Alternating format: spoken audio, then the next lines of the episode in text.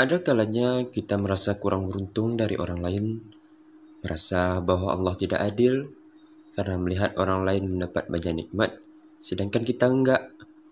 Kadang kita merasa dicurangin dalam hidup oleh Allah, merasa menjadi orang paling sengsara di antara semua manusia. Sedang mereka terlihat mudah saja jalan hidupnya. Kadang kita merasa hal tersebut saat membandingkan diri kita dengan yang lainnya.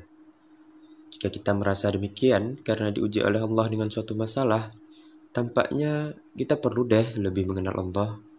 Karena sejatinya ada dua nikmat yang khusus diberikan oleh Allah Subhanahu wa taala, dua nikmat yang hanya diberikan kepada orang yang dia cintai.